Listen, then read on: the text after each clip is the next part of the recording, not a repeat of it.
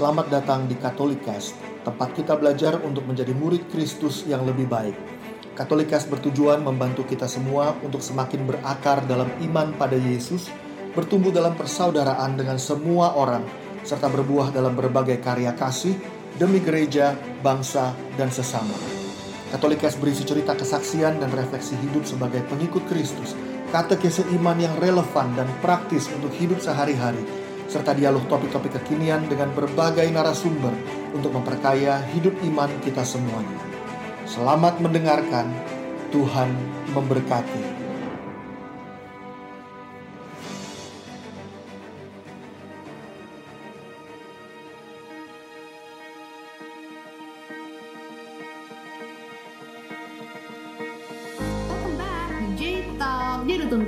Podcast terbaru dari JSM Makassar yang akan menjawab pertanyaan-pertanyaan seru dari anak-anak muda zaman now. Kita udah masuk di sesi Q&A di episode keempat dari tema besar kita relationship.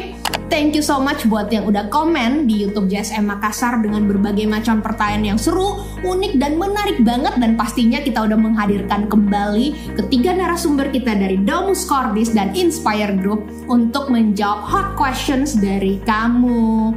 Kita langsung aja panggilin Koko Rico Arifano, Cicilia Arifano, dan juga Koko Violison Marteo. Hai semuanya. Halo Yasmin. Gimana semuanya? Happy di rumah aja apa udah nggak sabaran pergi liburan? Udah nggak sabaran pergi liburan. Ke Makassar dong.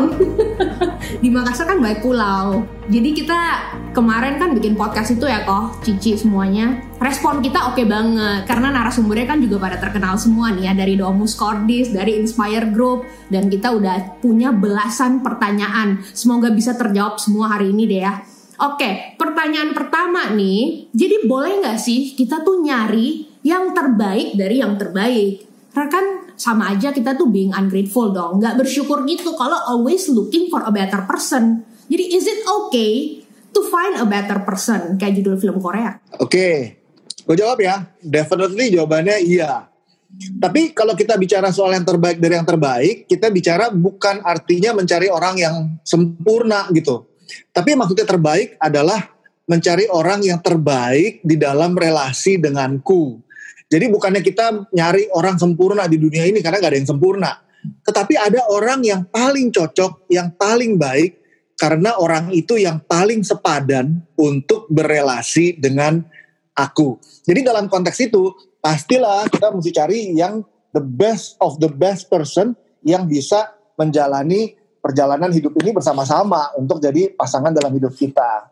Jadi jawabannya apakah boleh? Boleh banget, tetapi bukan mencari yang sempurna, tapi mencari yang terbaik untuk menjadi pasanganku. Koko kan mention about bukan menjadi yang sempurna, tetapi berarti kita sendiri yang harus menjadi the right person dong. Nah, tapi biasanya kan orang tuh mau menjadi the right person, malah ngikutin arus, ngikutin teman-teman, ngikutin pergaulan. Jadi dia lupa tuh sebenarnya jati diri dia yang otentik tuh seperti apa. Nah, tolong dong dibantu bahas gimana cara being a right person, tapi yang sepenuhnya seturut dengan firman Tuhan. Bener banget. Jadi kalau bicara tentang jadi best of the best, itu artinya kita mesti menjadi the best version of masing-masing dari diri kita sesuai dengan panggilan Tuhan. Gue biasanya ngelihat dari tiga angle gitu. Uh, version dari diri kita tuh yang pertama tuh foundation. Foundationnya itu adalah iman kita, lalu values, nilai-nilai di dalam hidup kita, sama vocation, panggilan kita tuh apa sih dalam hidup ini gitu. Nah kita mesti jelas gitu orang yang yang uh, punya iman yang benar gitu di dalam Tuhan, orang yang punya nilai-nilai yang sesuai dengan nilai-nilai kabar gembira, nilai-nilai Injil, lalu juga yang menyadari panggilannya itu uh, dipanggil Tuhan untuk ngapain gitu. Itu yang pertama, itu foundation. Yang kedua adalah goal. Goal itu bicara tentang punya purpose di dalam hidup ini. Punya purpose itu artinya dia tahu gitu, hidupnya mau diarahkan ke mana, life directionnya itu mau dibawa ke mana. Karena kalau kita nggak tahu apa yang jadi uh, values sama purpose di dalam hidup kita, gimana kita bisa cari pasangan yang paling cocok sama kita kalau kita sendiri nggak tahu apa yang baik buat diri kita sendiri gitu. Lalu kalau kita bicara tentang purpose, kita juga bicara tentang responsibility. Kan ada orang yang cuma ngemeng doang ya. Oh aku maunya jadi A, jadi B, jadi C. Tapi dia nggak pernah kerja buat mewujudkan itu gitu. Akhirnya dia cuma jadinya dreamer gitu, pemimpi doang. tapi dia nggak bertanggung jawab untuk mewujudkan. Itu yang kedua, bicara tentang goal. Yang ketiga, baru kita bicara tentang personal karakter sama preference. Karena karakter tiap orang berbeda-beda, cocok atau nggak cocok. Lalu preference itu bicara tentang uh, interestnya sama atau enggak, dan sebagainya. Nah kalau tiga itu kita udah temukan di dalam diri kita, nah kita bisa cari yang cocok sama kita, yang terbaik sama kita, itu yang seperti apa. Tapi artinya masing-masing harus menjadi the best version of dirinya supaya bisa menjadi the best gift buat satu sama lain. Asik, yes, seru banget. Selanjutnya, nah katanya temen kita nih curhat. Dia udah tahu pasangannya tuh nggak oke, okay, nggak baik. Ya tapi namanya udah cinta gitu ya. Kalau anak sekarang kan bilangnya bucin, budak cinta. Bucin bisa juga nih bubar cintanya tergantung interpretasi kamu yang mana ya tapi karena dia udah cinta banget dia bilang aja ya udahlah udah terlanjur udah nggak bisa lepas. Kalau lepas aku kan lebih sedih lebih patah hati lebih galau. Nah itu gimana sih disiasatinnya untuk anak-anak yang mengalami bucin seperti ini? Boleh dong Cilian jawab. Emang susah sih jadi bucin ya. Hari gini. saya nggak tahu. Ini kayaknya pertanyaan perempuan nih. Karena ini banyak banget saya dapat dari teman-teman perempuan.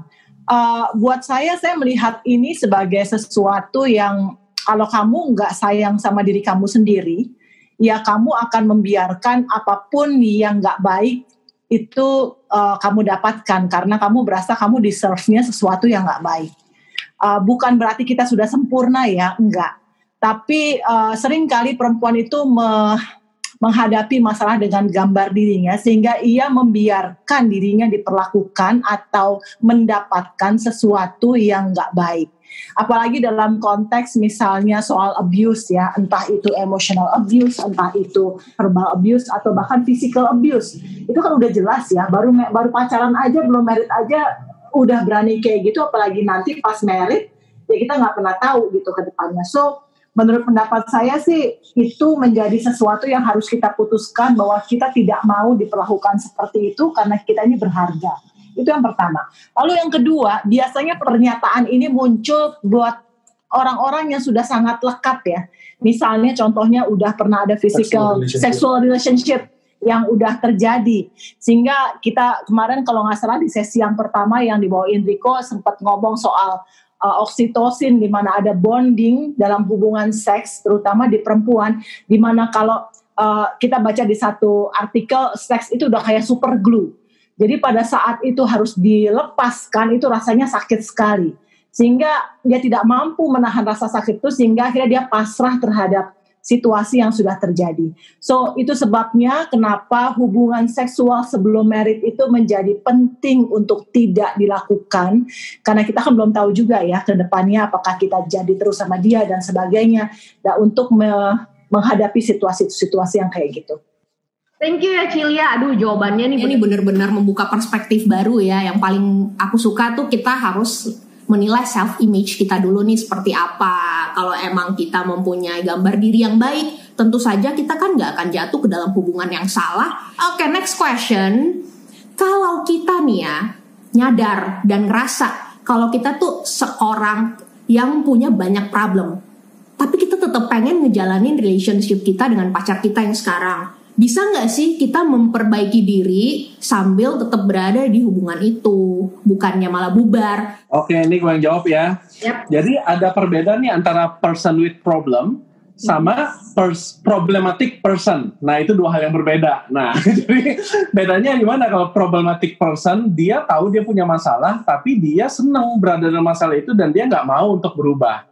Nah, tapi kalau misalnya person with problem, gue percaya kita semua di sini sama teman-teman semuanya pasti punya problem kan masing-masing kan. Tapi yang paling matters itu adalah uh, teman-teman yang punya problem itu care enough nggak sih untuk grow, untuk uh, untuk lepas dari problem itu atau untuk move forward. Nah, kalau misalnya memang mau untuk move forward dan berusaha lebih baik, ya why not? Tapi yang nggak bisa itu adalah gini, uh, aduh gue berharap pada relationship gue yang bisa menyelesaikan problem gue. Nah itu menjadi hal yang berbeda karena uh, menyelesaikan problem itu kita harus deal sama diri kita sendiri. Nggak bisa kita menggantungkan problem gue kesepian gue akan selesai kalau gue berada di dalam relationship. Nah itu jelas-jelas kacau. atau misalnya uh, kesedihan gue uh, weekend gue akan lebih berwarna nih ketika gue dalam dalam relationship dan itu pasti salah gitu jadi kalau misalnya orang yang problematik itu berharap pada relationship itu bisa uh, memperbaiki problemnya dia tuh sama kayak gini. Orang yang lagi adiksi alkohol dia berusaha untuk belajar nyetir mobil dalam kondisi dia mabuk dalam alkohol. Nah itu kan nggak mungkin. Jadi kalau problematic person ya jelas jawabannya putus lah. Tapi kalau misalnya memang lu punya problem dan pengen untuk lebih grow lebih maju ya is okay. Everybody punya problem kok. Tapi yang paling penting intention to uh, grow-nya dan untuk uh, nggak uh, stay di situ lama-lama gitu sih kalau menurut gua. Oke, okay, jadi ada bedanya ya problematic person sama a person with a problem. Jadi kamu nyadar dulu nih, kamu orangnya yang seperti apa? Apa kamu pelakunya, apa kamu korbannya nih? Hati-hati ya. Pelakor, pelaku dan korban sekaligus. Oh, iya. Oke, okay, kita pertanyaan berikutnya nih spesial buat Kokoriko. Asik. Yes. Tolong dong tanya Kokoriko, harus Kokoriko. Jadi gini nih kok agak unik sih pertanyaannya cuman ya mungkin Koriko bisa ngejawab dengan cara yang lebih unik lagi. Jadi ada temen ceweknya, semoga temen cewek dia ya, semoga bukan dia nih. Jadi umurnya udah mapen banget buat menikah, udah sering pacaran lah ya. Tapi sekarang tuh di umur kepala tiga lebih mungkin ya, karena dibilang kan udah mapan. Dia tuh udah dapet susah kok dapet pasangan, udah jomblo lama. Nah, terus menurut dia jodohnya tuh ditutup sama mantan pasangannya. Menurut Koko, make sense gak sih seperti itu? Ada solusinya nggak? Mungkin mantannya mau didatengin terus disiramin air suci apa gimana gitu biar lepas apa gimana? Emangnya mantannya tuh botol ditutup? Gini ya, nggak ada nggak ada tuh mantan yang bisa nutup. Oke, okay? kalau kita nggak bisa dapetin pasangan lagi, itu bukan urusan mantan, itu urusan kita yang sering kali tuh nggak bisa move on gitu. Hmm. Jadi bukan mantan yang nutup kita gitu kalau keputusan buat punya relasi itu ada di tangan kita kok. Jadi jangan berpikir bahwa ini gara-gara mantan. Akhirnya kita nggak bisa move on terus karena kita lemparin tanggung jawabnya ke orang lain. So, uh, gue mau ngajak temen ini nih untuk take responsibility atas hidup kita gitu. Bahwa kalau ini relationshipku, maka aku harus ambil tanggung jawab. Jangan uh, dwell in the past gitu. Di past relationship, di mantan. Bikin decision undang rahmat Tuhan, berdoa dan berani melangkah ke depan, lalu ya bertemanlah dengan banyak orang-orang yang baik di dalam Tuhan gitu, lalu coba aja explore new relationships gitu loh. Jangan salahin orang lain, padahal keputusannya keputusan kita kok hari ini. It's not about mantan nutupin siapa, it's about kita sendiri yang sering kali menutup diri. Maka jangan takut buat melangkah. Pelajarannya adalah jangan selalu nyalahin mantan ya, kasihan juga loh dia di sana. Apalagi kalau kita putusin dia, udah kita putusin lain lagi. Kalau kita dijodohin dengan perkenalan yang singkat, jadi mungkin keluarga yang mau nih ya, apa temen yang jodohin, udahlah kamu udah umur berapa, cepetan aja nih cus, nggak usah terlalu banyak milih-milih. Hal apa aja yang harus kita perhatikan sebelum kita memantapkan pilihan? Oke, okay, uh, sebenarnya sih basicnya sih sama aja sih. Sebetulnya seperti kayak kita mau um, ya menjalin hubungan yang kita mikir bakal merit gitu sama seseorang. Sebetulnya sama, cuman ini kan konteksnya dijodohin. Artinya kan ada ada pihak yang membantu untuk uh, memperkenalkan kita. So sebetulnya sih kalau menurut pendapat saya sama aja sih yang perlu diperhatikan apakah tadi yang dijawab uh, sama Riko di pertanyaan yang apa namanya be the right person, be, be the right person dan sebagainya itu. Cuma yang perlu diperhatikan adalah pada saat kita mau mengambil keputusan untuk akhirnya menikah, yakinkan itu adalah kehendak bebasmu Yakinkan itu bukan sesuatu yang dipaksakan, nggak enak hati sama orang tua, bapak gue jantungan, ntar kalau gue bilang nggak mau udah tiba-tiba serangan jantung, emak gue udah tinggal berapa minggu lagi, udah hidupnya, contohnya itu uh, agak-agak ekstrim sih. Tapi uh, yakinkan kita mengambil itu dengan kehendak bebas kita, dengan pengetahuan penuh bahwa apa pun yang kita jalani itu till death do us part sehingga itu menjadi sesuatu yang yang mesti menjadi pertimbangan gitu. Oke, saya bisa nggak jalan sama dia? Kalau emang kalian merasa ya dijodohin dan cucu dan cukup cocok dan bukan cocok 100% ya cocok 100% mah itu proses ya. Uh, tapi at least ada chemistry itu dan dengan kehendak bebasmu kalian mau bukan hanya dengan motivasi menyenangkan orang tua biarpun itu bisa bisa, bisa jadi salah satunya ya nggak apa-apa jalanin. Tapi kalau enggak ya mungkin bisa ngomong baik-baik sih ke yang pihak yang menjodohkan. Nah, intinya jangan buat hidup kamu jadi sinetron ya, seheboh yang tadi Cilia ceritain ya. Terus berikutnya nih ya, ada teman kita yang curhat. Katanya kan kalau orang ditanya maunya apa, ya udah pasti banyak banget dong dan paunya tuh yang oke-oke semua. Terus gimana cara kita bedain nih dari daftar kita yang seabrek-abrek itu yang panjang banget. Nah, apa yang paling penting untuk kita memilih pasangan. Nah, terus apa yang harus kita nilai dari mereka sambil kita berusaha jadi the right person. Oh, mungkin ini sambungan dari pertanyaan yang tadi nih kok. Iya, sebetulnya uh, apa yang perlu kita lihat itu tergantung masing-masing dari kita gitu. Apa sih dari kita masing-masing yang prinsip? Karena kan setiap orang tuh punya prinsip yang berbeda-beda gitu. Hmm. Nah, kalau kamu nggak bisa memilih, misalnya kamu punya daftar ada 20 hal penting gitu ya. Kan banyak banget tadi nih katanya ya, maunya banyak 20. Kamu mesti tentuin sendiri gitu. Top 5-nya yang paling penting buat kamu itu apa sih gitu. Jangan suruh orang yang pilihin gitu. Kalau kamu sendiri nggak bisa pilih top 5 yang paling penting buat kamu apa, mungkin kamu nggak siap sebetulnya buat berelasi gitu loh. Karena kamu sendiri nggak tahu apa yang kamu mau di dalam hidup kamu gitu loh. Jadi kamu mesti tentuin gitu loh. Nah, contoh nih ya, kalau ini buat gue pribadi ya, kalau buat gue dulu waktu gue lagi milih-milih sebelum merit gitu, yang gue cari yang pertama buat gue yang paling penting tuh seiman. Harus sama-sama Katolik buat gue waktu itu. Buat gue pribadi gue nggak bisa ngebayang me, pacaran dan merit sama orang yang nggak Katolik gitu. Buat gue nggak nggak nggak kebayang karena misalnya nih ini buat gue ya, buat orang beda-beda. Buat gue penting banget bisa misa bersama hari Minggu, bisa komuni bareng. Buat gue penting banget kalau misalnya berkeluarga punya anak bisa ngajarin iman yang sama gitu misalnya. Buat gue itu prinsip gitu. Buat orang lain belum tentu prinsip. It's okay, tapi itu buat gue dan gue harus tahu apa yang penting buat gue gitu. Terus misalnya gue waktu sebelum uh, pacaran ya sebelum merit gue selalu berpikir bahwa gue mau merit sama cewek yang bisa pelayanan bareng sama gue gitu. Buat gue penting itu. Gue sampai ke titik di mana kalau gue nggak dapetin cewek yang mau pelayanan bareng sama gue, gue udah bikin decision waktu itu gue nggak akan pacaran dan gue nggak akan merit karena gue tahu pasti apa yang gue mau di dalam hidup gue. Nah itu penting banget gitu buat masing-masing dari kita untuk tahu apa sih yang penting buat kita, apa sih prinsip buat kita itu gitu. Nah tentuin top 5 and then you decide gitu loh. Apa yang prinsip, apa yang nggak prinsip, apa yang prinsip itu perlu dipertahankan. Apa yang nggak prinsip bisa dikompromikan. Tapi apa yang prinsip itu masing-masing dari kita mesti punya keputusan sendiri gitu. So I save you ya, akhirnya merit ya. Belum minggir dulu dari screen.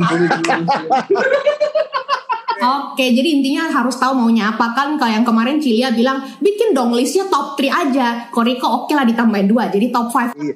misalnya gini, misalnya gini, top 3 itu misalnya yang prinsip gitu misalnya misalnya iman, purpose, values gitu. Nah, yang dua sisanya itu misalnya yang personal preference.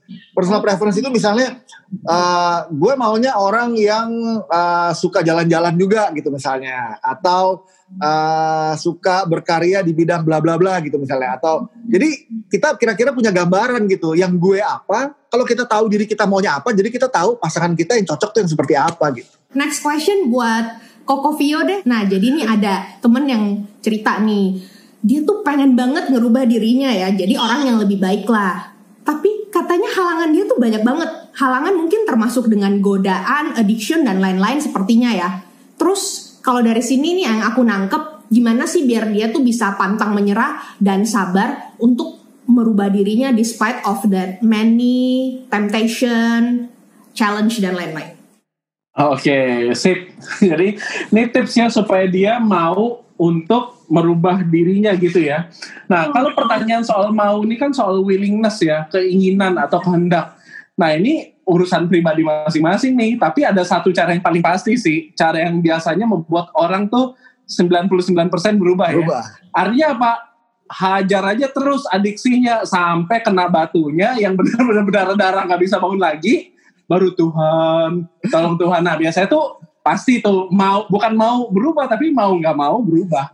Nah itu itu cara yang paling pasti pertama. Nah kalau itu kan versi hardcore-nya. Tapi kalau misalnya memang mau jawabannya itu gini. Jadi biasanya kalau buat gua perubahan itu ya ada dua sih. Ada faktor internal motivasi motivasi internal sama motivasi eksternal. Biasanya uh, yang lebih mantap itu 80% orang-orang bisa lebih uh, berubah tuh kalau karena internal motivations. Kalau external motivations tuh misalnya ya lu berubah kalau enggak nanti nggak enak sama si A kalau enggak enak sama si B atau enggak kalau enggak nanti lu ayo kayak carrot and stick kalau misalnya lu jatuh lagi berarti lu gua hukum atau lu kalau misalnya berhasil uh, lu dapat reward apa itu kan faktor eksternal ya nah in my case faktor internal yang membuat gua akhirnya bisa bebas dari adiksi bokep gua itu adalah ketika gue pas gue jalan sama Yuven sama istri gue itu gue uh, komit gue harus menjadi hadiah yang paling baik buat dia. Karena begitu gue nanti menikah sama dia gue harus jadi suami dan suami itu panggilannya adalah ya gue harus mati bagi diri gue dan menjadi yang terbaik buat mempersembahkan hidup gue buat dia. Masa sih gue mau mempersembahkan problematic person buat uh, buat Yuven nanti istri gue jadi itu ternyata works banget buat gue ya tentu di samping itu gue minta tolong rahmat Tuhan gue berdoa terus kemudian gue juga punya accountability partners uh, dan gue ngaku dosa sakramen dan seterusnya gitu. Tapi dalam hal internal motivations itu sih yang uh, harusnya bisa lebih kuat ya. Uh, tapi kalau misalnya kita masih belum ketemu why? Kenapa sih gue harus berubah yang affecting langsung ke diri kita. Kayaknya ya uh, mungkin perlu nyari tahu dulu tuh motivasinya apa gitu. So uh, tipsnya gue sih paling uh, kalau misalnya mau ada dua dua cara. Cara yang pertama let loose sampai hancur. Itu bukan mau berubah tapi mau nggak mau bakal berubah. Nah tapi kalau mau yang sebelum sampai hancur banget ya lu temuin deh internal motivation big why-nya kenapa sih gue harus berubah gitu loh Nah paling begitu sih. Jadi teman-teman milih aja, kamu mau kapok, terjerembab, terciduk, termehek-mehek, baru berubah. Apa kamu nyari tujuan yang positif gitu? Wah harus berubah supaya kan saya jadi orang sukses gitu ya. Berikutnya nih, gimana sih cara kita menjalin pertemanan yang baik? Tapi kesannya tuh nggak tebar pesona, dan nggak disalahartikan sama lawan jenis. Kayaknya ini dari ceritanya Koriko nih ya, yang waktu itu yang bunga-bunga itu jangan disiramin terus. mau tebar pesona mesti dia sih. Bunga kalau nggak mau dipetik jangan disiramin setiap hari gitu kan. Ya, jadi maksudnya kalau kita nggak mau punya relationship, nggak mau niat PDKT untuk punya uh, special relationship, pacaran dan selanjutnya, ya jangan diumbar uh, perhatiannya gitu loh sehingga orang jadi nah gimana caranya supaya nggak gitu? Yang pertama tuh awareness gitu ya sadari bahwa goalnya apa sih? Kalau goalnya mau bersahabat ya batasi dirimu gitu. Nah batasinya di mana? Kita mesti ngerti perbedaannya gitu. Nah yang kayaknya waktu itu gue pernah share juga nggak ya? Jadi cowok sama cewek itu kan beda gitu ya. Yang cowok itu biasanya ini general banget cowok itu biasanya side sensitif gitu dia lebih peka sama apa yang dia lihat kalau cewek itu words sensitif, lebih peka sama apa yang dia denger gitu. Makanya cowok-cowok tuh jangan ngumbar kata-kata gitu, entah diomongin atau ngirim WA terus menerus. Tiap pagi ditanyain, udah bangun belum, udah makan belum, udah minum obat belum, udah ini belum gitu. Kita kira kita cuma trying to be nice gitu, tapi buat yang cewek-cewek mereka bisa ngertinya salah gitu. Mereka kirain kita lagi kasih harapan gitu. Gitu juga sebaliknya gitu karena cowok-cowok itu size sensitif gitu loh. Buat cewek-cewek tolong dong dibantu pakai baju jangan yang kelewat minimalis gitu misalnya. Uh, jangan yang kelewat terbuka gitu. Terbuka minim banget. minim abis. Minim abis. Bukan minim abis. minim abis. Tolong bantuin kita juga gitu cowok-cowok gitu supaya kita nggak jadi tergoda karena apa yang kita lihat gitu. Nah, maka cowok-cowok dan cewek-cewek mesti belajar saling menjaga satu sama lain karena kalau ini benar-benar true friendship, pasti kita mau yang terbaik buat sahabat kita gitu loh. Maka kita nggak using mereka demi kenyamanan kita, tetapi kita justru menjadi sahabat yang baik supaya teman kita juga bisa grow dan juga bisa happy dan nggak merasa jadi terluka karena apa yang kita buat terhadap mereka gitu. Nah jadi uh, uh, sadari bahwa ini friendship benar dan yang kedua kenali apa yang bisa trigger uh, harapan di masing-masing pihak supaya kita bisa tahu bagaimana mengendalikan diri kita. Saya mau nambahin ya, khususnya buat teman-teman perempuan. uh, kadang-kadang teman-teman cowok itu melakukan itu tidak dengan uh, motivasi uh, untuk uh, tebar pesona misalnya, tapi hmm. memang mau bersahabat. Cuma perempuan kan emang suka gitu ya, ada yang perhatian dikit itu sudah kegeran. Uh, dibilangnya tuh orang suka gitu, padahal udah ngomong soal yuk kita berteman dulu, tapi tetap aja dia nggak bisa mengendalikan perasaannya. Tiba-tiba temen cowoknya itu memutuskan untuk mulai menarik diri, dianya kebaperan So teman-teman perempuan uh, minta tolong. Jadi perempuan juga jangan kegeeran. Ya maksudnya please take care of yourself, take care of your heart dan jangan nyalain orang. Dan tahu batas kalau misalnya ada orang baik sama kamu ya karena orang baik sama kamu. Ah. bukan karena dia suka sama kamu dan ngajak dan berharap kamu jadi istrinya. Tunggu dulu gitu step by step. Jangan keburu lari. Jadi jangan keburu kemakan semua pikiran-pikiran uh, drama Korea yang muncul di kepala kamu gitu. Jadi saya sih cuma mau ngomong itu buat teman-teman perempuan supaya juga tahu gimana etika berteman gitu. Itu aja sih. Oke, jawabannya Cilia tuh sangat straightforward, tapi ini bener loh, ini fakta banget karena cewek tuh suka baper. Terus nih ya, ini mah buat Cilia banget nih. You have to know what you want, asik. Ci, jadi teman kita nih statusnya udah pacaran Lalu abis denger podcastnya Cilia yang yakin udah pas, dia udah buat list ya. Ternyata di daftar dia tuh banyak yang gak ada merubah pasangannya menjadi seperti yang ada di listnya dia atau ya mungkin bucin itu tapi bubar cintanya gitu loh. Atau mungkin yang nanya ini cuma butuh peneguhan dari Cilia, ya putus gitu. Nangis dong anaknya orang. uh, yang pasti kalau optionnya merubah pasangan itu udah teto, udah forget it, oke? Okay? Uh, itu nggak mungkin, ya. Maksudnya, ya elah, emang dia siapa bisa merubah pasangannya gitu?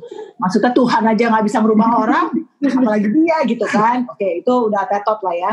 Tapi kemudian kalau yang uh, tadi optionnya apakah lanjut dan sebagainya, yang tahu jawabannya dia sendiri. Tapi kalau boleh saya ngasih uh, pendapat, dari tadi kan uh, optionnya itu banyak yang nggak ada di pasangannya yang dia temukan. Tadi balik lagi, itu yang tadi foundation apa bukan, yang prinsip apa bukan. Oh, iya. Atau yang kemudian habis foundation tadi goal, goal, goalnya gimana? Di, dicocokin di situ. Ini masuknya gimana? Nah, untuk tahu ini masuknya kategori mana kan kamu mesti tahu apa yang kamu mau. Mm-hmm. Gitu kan? Nah dia udah tulis, dia ini prinsip apa enggak buat kamu? Kalau misalnya itu masuk yang dua, yang interest, yang apa tadi istilahnya uh, preference. preference ya, itu ya sekarang tergantung kamu. Itu prinsip preference prinsip apa enggak buat kamu? Nih kayak dia nih contohnya nih, dia nggak bisa kalau dapat pasangan yang yang punya kamar warnanya pelik merah. Misalnya cat kamarnya warna merah gitu. Nah itu kan preference kan. Gila kan. Ya kan. Tapi buat dia itu preference yang prinsip. gitu. Nah dengan itu ya udah berarti kamu mungkin bisa mengkomunikasikan dulu. Eh gua ini punya masalah nih. Gua ini punya diskusi dulu sama dia. Kalau emang ternyata tidak ada jalan tengah, ya kamu putuskan. Kamu bisa lanjut dengan pengetahuan akan menanggung salib itu, maksudnya setiap hari menanggung warna merah setiap hari dan bersuka cita atas revelation baru dalam hidupmu itu atau ya udah bubar. So kalau yang tahu jawabannya kamu sendiri gitu sehingga kamu harus mengkategori mengkategorisasikan itu gitu dan ngajak ngobrol dulu kalau emang tidak ada kesepakatan ya udah carilah jalan tengah yang yang kamu mau bersama karena ini urusan subur hidup kan. Oke, okay. Ini selanjutnya gimana kalau kita udah cocok nih dengan pacar kita ya, tapi kita nggak serak aja nih sama keluarganya, soalnya aturannya banyak. Kayaknya aku udah bisa tebak dari keluarga seperti apa nih ya. Terus anaknya tuh nurut banget sama parentsnya, jadi tipe yang susah buat keputusan sendiri. Gimana tuh? Kalau gue prinsipnya gini, pertama-tama gue merit sama orangnya, itu udah bener kan? Oh udah cocok nih. Nah, yang kedua jangan lupa, when we decide to marry, uh, keluarga kita bakal blended sama keluarganya dia dan dan itu kita siap nggak untuk lima hal yang kayak gitu. Kalau buat gue sih uh, itu balik ke personal preference tapi uh, buat gue gue akan milih dia harus dewasa. Kalau dia dewasa dia harus bisa lepas dari itu keluarga apa namanya uh, dan bisa make decision terutama nih ya cowok nih cowok kalau misalnya dalam rumah tangga dia nggak bisa bikin keputusan sendiri dan dia masih kayak terkekep gitu ya sama aturan keluarganya atau apa ya itu kalau buat gue sih bye bye sih maka gimana dia mau ngelit gitu padahal tujuan jadi kepala keluarga itu ya harus bisa lead ambil decisions gitu. Nah kalau ceweknya yang seperti itu. Hmm. ya itu tinggal cowoknya lihat mau nggak kayak gitu? Kalau misalnya lu bersedia aja jalanin hidupnya kayak gitu ya it's your call gitu ya. Tapi kalau buat gue sih uh, gue secara prinsip lihat ketika menikah uh, cewek dan cowok itu per, bersatu dan meninggalkan ayah dan ibunya. Berarti prinsipnya uh, bukan berarti mereka nggak respect sama ayah ibunya sama orang tuanya tapi mereka harus mandiri. Mereka harus kompak berdua uh, untuk menentukan masa depan keluarganya karena mereka udah menjadi keluarga yang baru gitu. Jadi uh, gitu sih jawaban gue sih. Dan pengalaman gue juga ada yang seperti itu agak sedikit nyangkut keluarganya tapi ya enggak deh. Nah ini yang kalau tadi kan udah cocok dengan kayaknya lanjut juga nih pertanyaannya. Kalau dia udah pacaran bertahun-tahun tapi belum dikasih kepastian aduh aku juga so sad buat yang ini. Karena pacarannya tuh I feel you again karena pasangannya belum siap terus dia belum mapan juga nah sebaiknya dia gimana dong terus apakah dilanjutin apa enggak mungkin ya dan pertanyaan berikutnya orang yang pas buat kita tuh sebenarnya orang yang udah mengalami suka duka bersama kita atau bisa aja kita ketemu orang baru siapa tahu stranger apa dikenalin yang udah lebih siap mental buat ya mau merit tapi meskipun baru kenal. Nah, yang mana tuh yang mau dipilih? Yang pertama, saya selalu percaya nasib kita itu kita yang ngatur.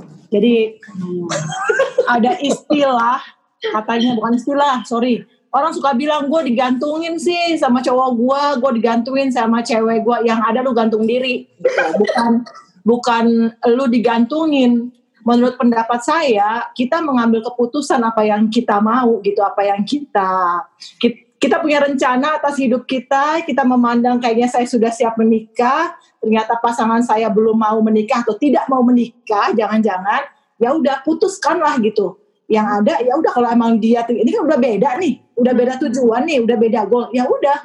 Maksudnya ngomong baik-baik tanya lu punya rencana apa kita matching apa enggak ya udah bubar kalau misalnya memang nggak ketemu. Jadi kalau pertanyaannya sekarang di sini yang uh, pertanyaan Jasmine yang kedua tadi apa gimana gitu kan? Ya. Nah, sebenarnya kamu yang tahu nih mau cari orang yang dari awal suka duka bersama dan sebagainya itu balik lagi. Kira-kira gimana kamu memaknai suatu relasi gitu kan? Ada yang penting, wah dari awal nih kayak saya cerita yang kemarin saya udah 10 tahun pacaran kalau di di dibayangkan wah membangun satu dari dari pacaran udah dari SMA sama-sama kuliah terus sudah gitu akhirnya tuh sukses gitu. Dan kita nggak mau dan saya waktu itu nggak mau membuang ini karena membayangkan sudah membangun suka duka bersama tapi ternyata nggak cocok. Nah ya gimana? Suka duka sih suka duka. Ya udah ya lewat biarkan berlalu gitu. Tapi lo keringetan terus umur hidup lo kan ya nggak mungkin kan gitu kan. Jadi ya udah akhirnya saya memutuskan untuk selesai untuk memutuskan hubungan itu gitu. Jadi setiap orang punya ya itu makanya pentingnya tahu kamu tuh maunya apa. Kamu tuh punya tujuan apa dan kemudian bersama-sama mengajak pasangan untuk berjalan bersama-sama untuk melihat gambar besar hidup itu. Karena itu kan namanya teman hidup. Nah. Yang artinya kamu akan bersama-sama berteman sepanjang hidupmu gitu kan dan di, di, di, diikat oleh sakramen jadi itu penting untuk tahu dan kemudian lihat kira-kira kamu mau ambil keputusan apa atas hubungan ini. Oke, okay, next question kita oh udah pasti nih buat Kovio karena bicara tentang addiction. Oke, okay, so Koko, addiction itu bentuk pelarian ya? Apa ada faktor misalnya psikologis, pergaulan dan lain-lain yang menjadi penyebab dari addiction kita? Terus apa teman-teman yang udah bebas dari addiction bisa kambuh lagi kalau ada triggernya atau pemicunya. Oke, jadi kayaknya gue kayaknya pakar adiksi ya, gue mantan mantan edik gitu ya. Oke oke, jadi prinsipnya gini, kalau dibilang pelarian ya bisa dibilang ya pelarian gitu karena gini, uh, sebenarnya semua orang tuh pada dasarnya kan pengen konten ya, pengen full of joy, full of happiness gitu kan pengen bener-bener penuh gitu. Nah cuman masalahnya cara dia nyari penuhnya dia itu atau happinessnya atau joy-nya itu dia berada di tempat yang salah yang dia pikir bener gitu kan. Nah, yang dia pikir benar. Nah, padahal kita tahu sebagai uh, orang Katolik khususnya orang Kristen juga pengikut Yesus, kita tuh kan cuma bisa menemukan the real happiness, real joy ketika hati kita dipenuhi sama cinta Tuhan. Nah, jadi salah satu bentuk cinta tuh apa sih? Acceptance, bener gak? Tidak di reject gitu, lu diterima, lu di acknowledge. Nah, jadi kalau misalnya dengan misalnya contoh ya, kalau lu bergaul sama orang yang salah, dan lu baru dihargain ketika kalau lu ikutan minum tequila 12 shot baru dianggap teman wah demi tequila 12 shot itu gue rela supaya gue di accept nih sama community ini nah ya lu bisa bisa lama-lama bisa ikut dengan gaya hidup seperti itu atau wah womanizer nih kalau gue nggak menaklukkan cewek nih ya gue nggak jajan-jajan berarti gue nggak di accept sama teman-teman gue nih berarti gue harus kayak gitu. Nah akhirnya itu lama-lama bisa jadi uh, false habit yang lama-lama bisa jadi addict karena dia merasa oh gue di accept nih sama teman-teman gue karena gue melakukan itu. Dan yang bikin addict itu uh, sense of gue di accept padahal salah yang yang sebenarnya truly accept kita dan mencintai kita itu kan Tuhan. Nah jadi uh, itu sih kalau misalnya dibilang uh, bisa nggak sih salah pergaulan bisa terjerumus kembali? Ya iyalah. Kayak gue sekarang nih misalnya gue adiksi bokep dulu gue udah sembuh nih sekarang gue udah clear. Kalau misalnya gue bergaul sama teman-teman yang langganan film bokep tiap hari suguhannya bokep bahkan kerja di industri bokep ya bisa nggak gue jatuh? Lagi bisa lah. Gitu. Jadi jadi uh, jangan pikir oh kalau udah sembuh berarti bisa selama lamanya udah bebas atau case close atau lu udah menikah nggak mungkin lagi lu bisa uh, nonton bokep. Itu no no no no. Itu tuh semuanya it's about disiplin untuk kita terus keep chase gitu. Atau menjaga kemurnian kalau dalam hal adiksi bokep gitu. Jadi uh, kalau dari pertanyaan itu tadi, apakah orang yang pernah bebas bisa jatuh lagi? Ya bisa aja kalau salah pergaulan lagi gitu. Dan pada prinsipnya adiksi itu ya uh, karena dia mungkin pikir dengan dia melakukan hal itu dia tuh penuh. Padahal itu salah. Kayak minum haus tapi minumnya air laut.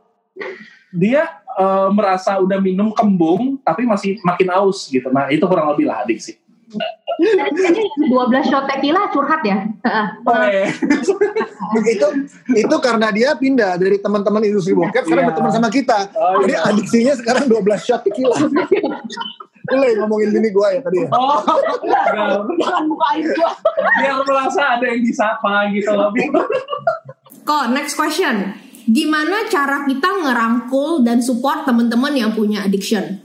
dirangkul maksudnya mungkin tetap diajak tetap jadi friend gitu ya bukan dirangkul dipeluk juga nih ya. Ah, itu udah jadi mereka kan pasti udah bergumul lah ya berjuang buat bisa lepas dari itu. Tapi kan koko yang udah ngalamin sendiri tahu kan nggak mudah terus tugas kita kan untuk build other people untuk jadi better version of themselves bukan malah ngejudge atau ngejauhin mereka karena nobody's perfect. Nah, gimana nih caranya biar kita tetap berteman baik dengan mereka tetapi membawa mereka ke jalan yang benar? Gue lagi nih. Ya. Oke. Okay. Ya, jadi prinsipnya sih gini sih, uh, seseorang yang lagi terjebak memang butuh uh, support system lah butuh support system gitu kan. Karena prinsipnya namanya dosa adiksi itu kan tempat yang gelap ya. Nah dia pertama-tama perlu membawa dirinya ke terang. Atau kalau dia nggak mampu kita yang bantu ngebawa dia ke terang kan itu ya. Nah so kalau sikap kita sebagai orang yang udah bisa dengan sikap gini, kalau kita udah bebas dari adiksi itu, it's good. Kalau kita masih berjuang juga it's okay. Yang penting arah kita kan menuju ke terang gitu ya. Hmm. Nah, jadi uh, sikap kita sebagai murid Kristus sih harusnya kita love the person, tapi kita hate the sin. Misalnya contoh kalau ada orang yang uh, adiksinya, maksudnya dia punya self image yang buruk dan dia uh, bulimik gitu untuk mempertahankan bahwa dia tuh tetap harus kurus, kebanyakan konsumsi uh, majalah model mungkin atau apa gitu ya. Nah, so uh, apakah kita, uh, kita mencintai dia, tapi apakah tindakan dia yang dia nggak mau makan segala macam itu yang bisa membunuh dirinya sendiri? Apakah kita approve kan nggak kan? Jadi hmm. tindakannya itu tetap kita harus admit kalau itu salah tindakannya, tapi sebagai pribadinya kita harus tetap merangkul dan mencintai mereka. Nah, jadi uh, mungkin salah satunya kalau misalnya yang hal kecil yang bisa dilakukan, gue pernah jadi kayak accountability partner teman gue yang lagi struggle untuk keluar dari adiksi pornografi dan masturbasi dan free sex.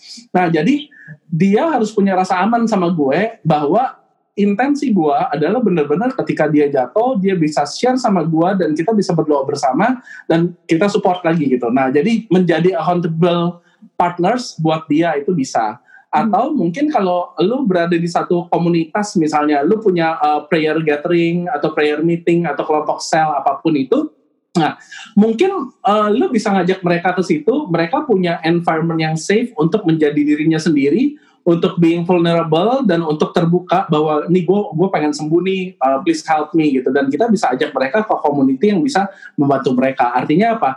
Kalau dia adiksi karena pergaulan dia, ya harus cut off dari lingkungan itu supaya dia bisa bebas gitu kan salah satunya dengan kita rangkul dia dalam komunitas atau uh, as simple as kita being accountable partner buat dia bisa bertumbuh sih. Oke, okay, thank you Koko Vio. Yeay! Finally kita udah ngejawab belasan pertanyaan dari teman-teman netizen semua di J-Talk Podcast Penasaran episode 1 sampai 3. Wah luar biasa sekali narasumber kita ya Bener-bener seru di episode kali ini Aku mau minta dong kesimpulan dari tema besar kita, relationship dengan pasangan. Hayo, siapa nih narasumber yang mau ngomong? Koriko, Cilia, apa Kovio? Silahkan. Gua basically wrap up beberapa idea yang udah kita bahas. Yang pertama adalah kita perlu jadi the right person gitu. Karena kalau kita terus-menerus nyari the right person di luar sementara kita nggak berjuang jadi the right person, kita nggak akan pernah menemukan the right person gitu. So masing-masing dari kita punya tanggung jawab untuk jadi the best version of masing-masing kita sesuai dengan panggilan Tuhan. Nah itu artinya kita mesti dipenuhi itu sama cinta Tuhan. Karena kalau kita nggak dipenuhi sama cinta Tuhan, kita jadi mencari-cari cinta di tempat yang salah. Contohnya, kita pikir sumber cinta kita adalah pasangan kita. Nah itu akhirnya bikin relationship jadi pusing tuh karena jadi posesif, jadi iri, jadi cemburu dan sebagainya. Atau kalau ternyata ada problem, kita nggak berani putus karena emotionally udah begitu attached. Atau bisa juga kalau hati kita nggak penuh sama cinta Tuhan, larinya ke addiction. Akhirnya kita mencari cinta di tempat yang salah. Misalnya adiksi bokep, adiksi drugs atau alkohol dan sebagainya. Contoh soal adiksi sama film Korea nih, drakor nih, yang akhir-akhir ini terutama cewek-cewek saya melihat ini sebetulnya satu pemenuhan sih, pemenuhan rasa di hati waktu dia. Tuh kalau ngeliat cowok-cowok ya di drama Korea ya, saya nonton beberapa. Dan bener sih ada rasa kayak di hati tuh tiap kali ngeliat cowok itu di drama Korea itu cowok-cowok ini tuh kalau udah suka sama satu cewek itu kayak bener-bener memperjuangkan, kayak bener-bener uh, persu itu cewek, mencintai sepenuh hati, kayak segala-galanya tuh buat tuh cewek yang mungkin di kehidupan kita pribadi kita nggak dapatkan. Nah itu sebabnya cewek tuh waktu nonton drama Korea itu jadi kayak berasa dipenuhi hatinya. Tapi setelah kelar pernah nggak ngerasa rasanya malah kosong, masa malah kosong dan malah ngerasa jadi tambah baper.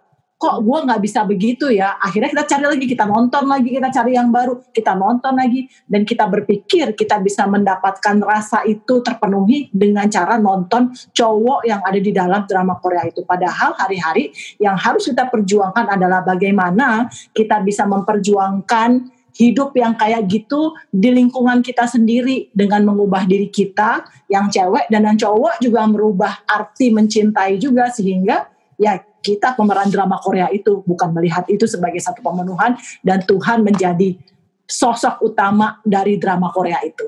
Semua itu sebetulnya adalah pelarian yang harusnya kita arahkan kerinduan hati kita kepada cinta Tuhan semata-mata. Nah, kalau kita penuh dengan cinta Tuhan, maka kita akan dimampukan oleh cinta Tuhan untuk mencintai orang lain, bukannya nafsu menggunakan orang lain demi kepentingan kita, tetapi mencintai yaitu memberikan diri demi kepentingan orang lain. Nah kalau kita udah bisa belajar begitu, kita grow jadi the best version, tapi toh di dalam relationship masih nggak work out juga karena masih ada banyak perbedaan yang memang prinsip. Jangan takut untuk putus gitu loh. Jangan takut buat bubar dari relationship ini karena mungkin putus itu adalah keputusan yang paling bijaksana karena masing-masing akhirnya jadi punya ruang untuk mencari calon pasangan yang lain yang mungkin lebih cocok, lebih tepat dan lebih baik buat hidup dia dan lebih memuliakan Tuhan di dalam perjalanan hidup dia selanjutnya. Jadi uh, semuanya overall yang paling penting adalah terus-menerus melekat pada cinta Tuhan supaya kita dimampukan untuk mencintai seperti Tuhan mencintai. so much Koko Riko, Cicilia, dan Koko Vio untuk waktunya, untuk pelayanannya, dan untuk pencerahannya yang luar biasa. Aku yakin nih semua anak-anak muda pasti terberkati banget dan terbuka pikirannya to do the right thing in their relationship. Semoga sukses selalu, sehat selalu, dan semakin memberkati banyak anak-anak muda di luar sana. Dan aku harap sih kita ketemu lagi nih di sesi-sesi berikutnya. Thank you so much and God bless you. Bye. Thank you. Thank you. Bye-bye. Bye.